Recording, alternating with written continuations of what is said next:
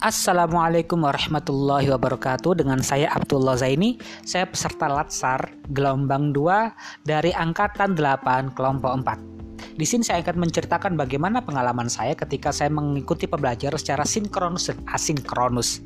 Pembelajaran secara sinkronus dan asinkronus ini salah satu yang dibahas adalah bagaimana wawasan kebangsaan kita. Wawasan kebangsaan kita adalah cara pandang kita terhadap bangsa Indonesia.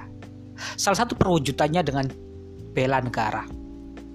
Bela negara ini yaitu uh, ketika saya sebagai dosen di sini saya ingin mewujudkan bela negara itu dengan bertindak profesional ketika saya mengajar sehingga mahasiswa yang saya ajar itu memiliki karakter yang kuat, mandiri, tidak gampang menyerah, mereka tahan banting dan mereka sangat cinta ke, kepada tanah airnya.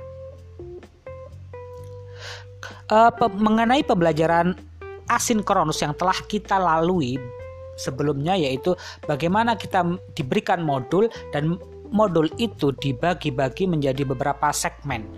Yang pertama yaitu tentang materi yang begitu mendetail. Materi sangat mendetail ini sangat bagus bagi kita semua untuk apa? Untuk mengetahui materi-materi itu sampai ke akar-akarnya. Kemudian ada rangkuman. Rangkuman ini untuk memudahkan kita memahami materi yang telah kita baca secara mendetail.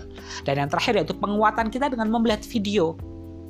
Kemudian tadi pagi yaitu melakukan pembelajaran sinkronus. Nah, dengan pembelajaran sinkronus ini malah lagi menambah kita, menambah pengetahuan kita untuk melengkapi apa-apa yang telah kita pelajari sebelumnya, yang kita pelajari secara mandiri.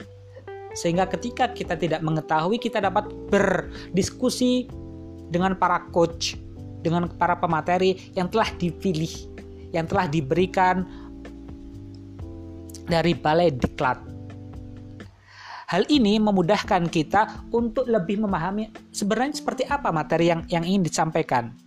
Dengan adanya sinkronus dan asinkronus ini, maka materi yang dapat kita pelajari, yang kita pelajari itu dapat lebih terserap dengan sangat bagus. Terima kasih.